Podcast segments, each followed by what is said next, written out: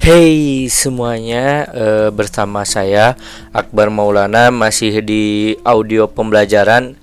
Uh, apa itu audio pembelajaran? Uh, audio pembelajaran itu adalah pembelajaran berbasis audio. Jadi uh, nanti saya akan uh, menyampaikan beberapa materi pembelajaran, tapi melalui audio agar kita masih bisa belajar meskipun kita sambil mengemudikan motor meskipun itu tidak baik ya. Tapi misalnya kalau misalnya bosan terus capek terus pengen tidur mungkin bisa sambil tiduran terus mendengarkan audio pembelajaran ini sehingga kita bisa tetap belajar meskipun kita sedang lelah atau kita sedang sibuk untuk membaca.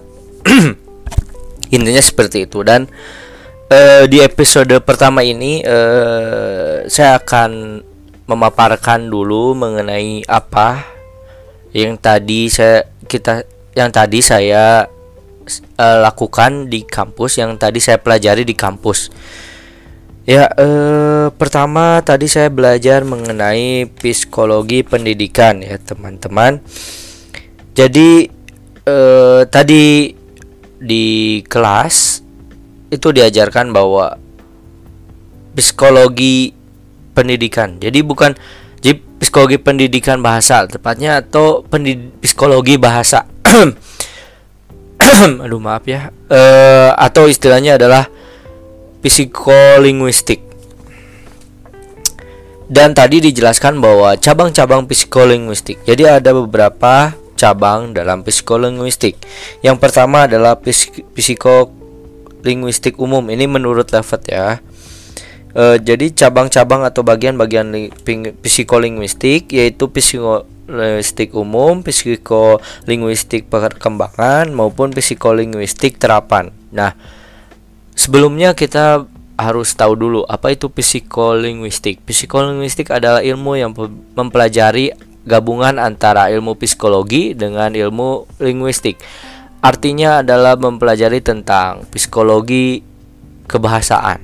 Artinya bagaimana si si uh, manusia mendapatkan memperoleh bahasa dan juga bagaimana uh, faktor psikologis mempengaruhi uh, siswa uh, atau orang atau ma manusia dalam menggunakan bahasanya mungkin seperti itu dan menurut Levat ya dijelaskan bahwa psikologistik umum itu adalah uh, psikolinguistik umum adalah studi yang membahas tentang psikolinguistik secara umum. Jadi ini berkaitan dengan studinya ya.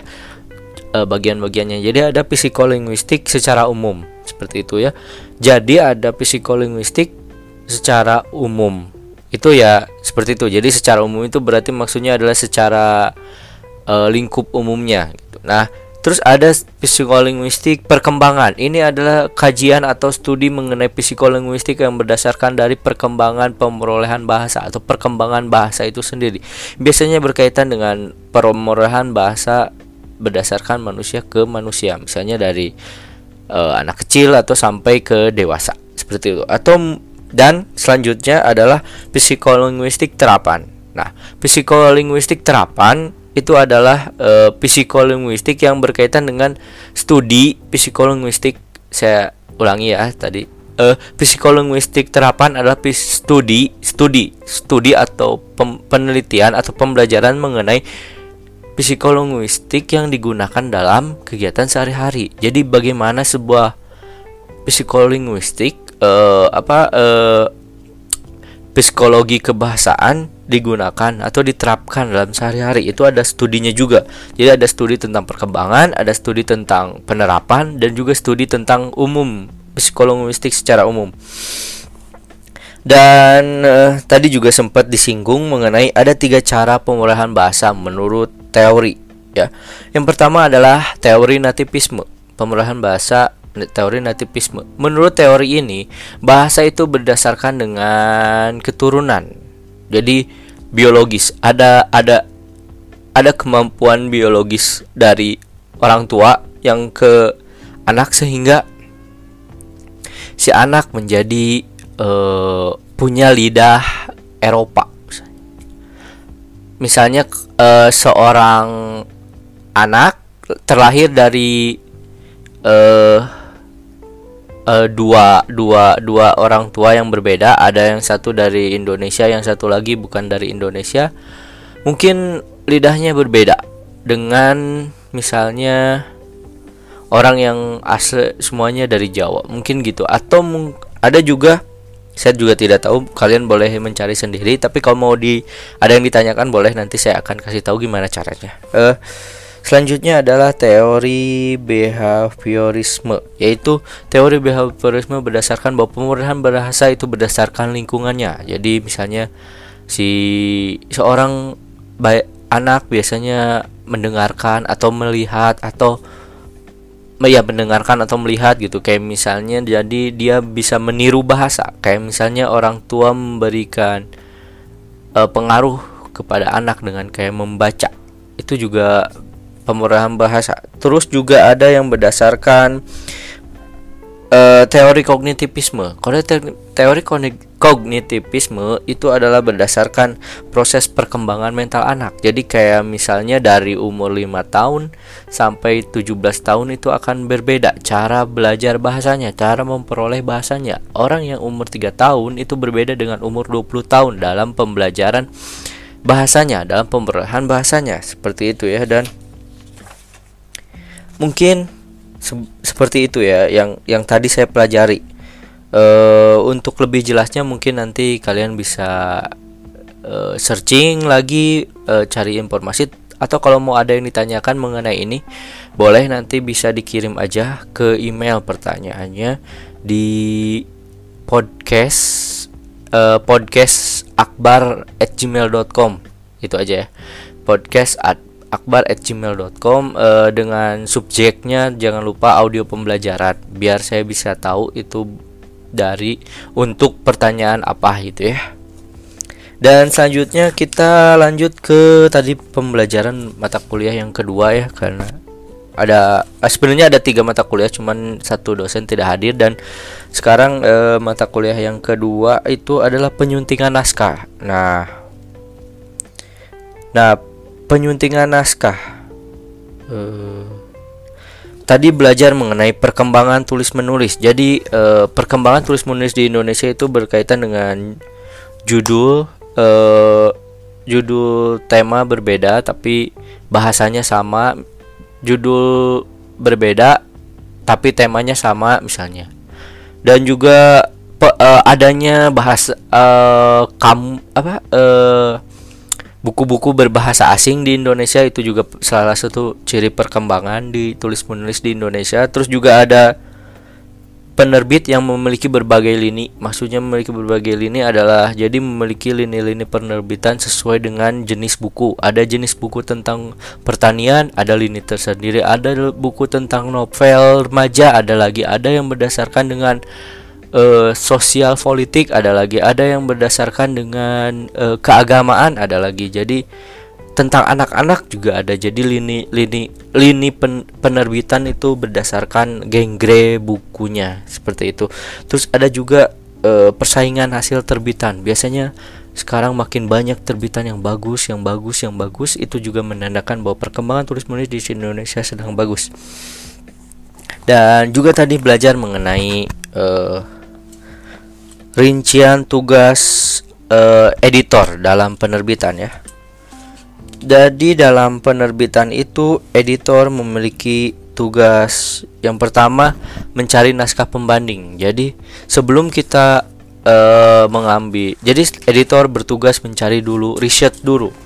Apakah uh, misalnya jika ada tulisan atau naskah yang sedang dicoba di cetak harus dulu dilihat uh, bagaimana dengan pasarnya. Apakah uh, ada buku yang serupa terus lihat uh, isinya apakah sama atau misalnya sama dan ternyata ada apa perbedaannya? Apa yang membuat kita beda ini? Apakah bisa menjual seperti itu ya? Terus ada juga mencari penulis dan pengarang Ya, jadi editor juga berupaya untuk mencari penulis dan pengarang dan Penulis juga pengarang boleh mencari editor, jadi saling berketa, berte, berkait, berterkaitan. Terus yang ketiga adalah menilai menilai naskah, ya maksudnya adalah naskah ini layak terbit atau tidak? Itu akan dinilai oleh editor. Terus yang keempat ya saya lupa. Ya keempat. Itu adalah memprediksi biaya produksi. Jadi editor berkewajiban untuk memprediksi berapa biaya produksi buku ini. Apakah lebih harganya segini? Itu akan berpengaruh terhadap hasil penjualan buku ini. Apakah bagus atau tidak? Itu juga wajib dan juga bisa memprediksi pasar. Market buku ini siapa? Nah kalau misalnya buku remaja ada pasarnya ada remaja banyak. Nah itu berarti kita harus bisa memprediksi itu. Kita harus bisa mempunyai pangsa pasar untuk buku kita. Dan itu akan membuat kita buku kita layak terbit menambah layak terbit. Dan itu ada tugasnya editor untuk mengetahui apakah dalam buku ini dalam buku-buku ini ada pasarnya, ada orang yang bakal membelinya. Itu juga menjadi tugas editor. Terus yang selanjutnya adalah mengolah naskah sesuai dengan kebutuhan.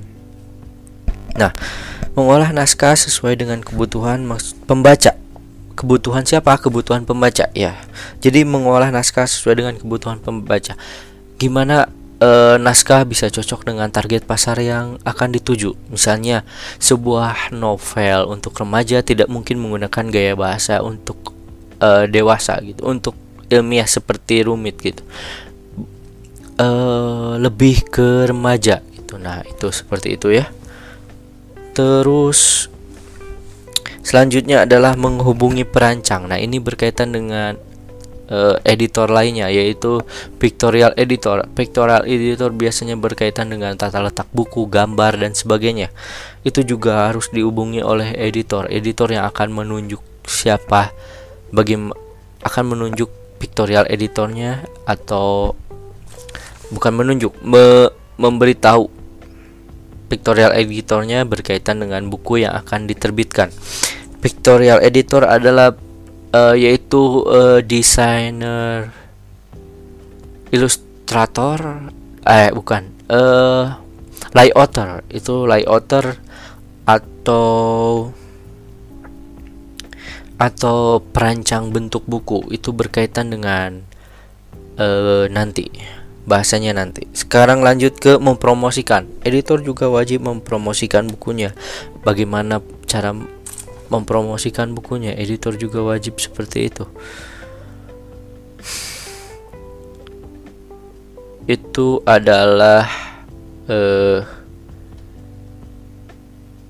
itu adalah uh, pembelajaran yang terjadi tadi. Mungkin akan ada tambahannya. Sebentar saya cari dulu. Uh, bentar maaf ya. Saya lupa um, bentar bentar bentar bentar. Tungguin nah saya lupa di mana ya? Saya lupa. Tapi intinya kita harus paham itu ya. Seperti itu. Pas dulu deh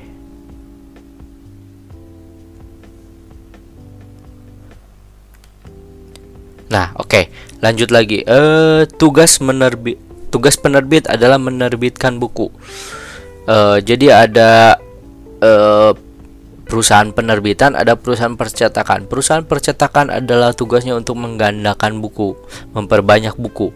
Nah, sebentar penerbitan adalah untuk menerbitkan buku, yaitu penerbitan termasuk dalam menerima naskah mentah sampai uh, setengah jadi atau buku yang setengah jadi itu buku dami istilahnya adalah buku yang sudah pasti menjadi buku yang akan beredar di masyarakat cuman akan menjadi pegangan bagi editor. Dah. Setelah ada buku dami dari tugas editor adalah eh penerbit perusahaan penerbitan adalah dari menerima naskah mentah hingga buku dami atau setengah jadi lalu diserahkan ke percetakan perusahaan percetakan. Itu adalah tugasnya menggandakan buku. Jadi tugasnya menggandakan buku itu ada di percetakan. Perusahaan penerbitan tidak terlibat langsung dalam percetakan. Dan percetakan tidak terlibat langsung terhadap penerbitan. Seperti itu ya. Dan proses naskah uh, dan editorial itu terdiri dari editor, layouter, ilustrator, desainer, marketing dan distribusi. Jadi ada editor, editor itu tugasnya memperbaiki naskah.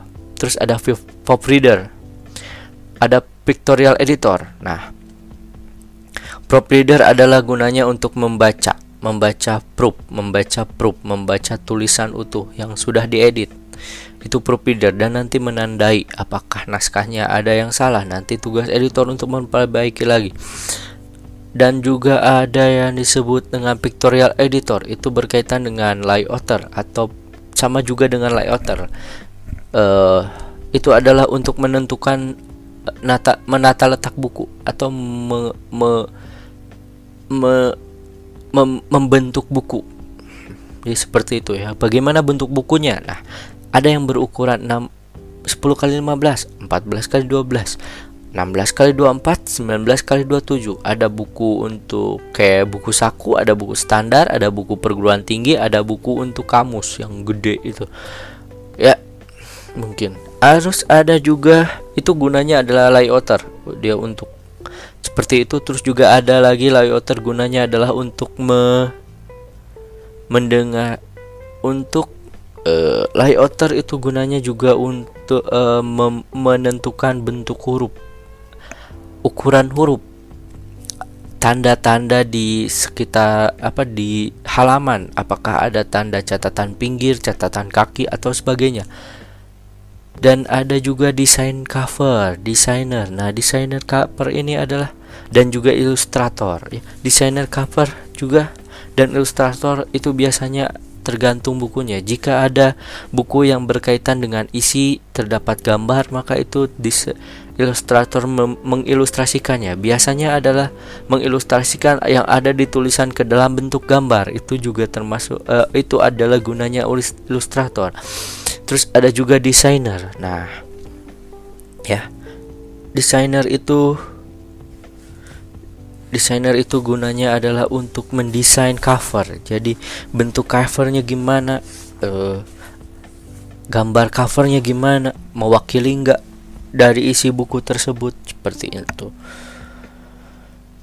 Kemudian ada juga dalam perusahaan penerbitan adalah bagian marketing yaitu uh, bagian uh, usaha untuk mempromosikan atau memasarkan buku. Dan juga ada pendistribusian yaitu mendistribusikan buku ke berbagai perus uh, toko buku di seluruh Indonesia. Seperti itu. Itulah uh, itulah uh, pembelajarannya untuk hari ini. Uh, sekian dan mohon maaf kalau ada salah-salah kata. Nanti saya akan perbaiki di masa depan. Boleh juga mengkritik dan sarannya di podcast akbar@gmail.com dengan sus subjek audio pembelajaran. Oke, eh, sekian dulu aja. Terima kasih dan bye bye.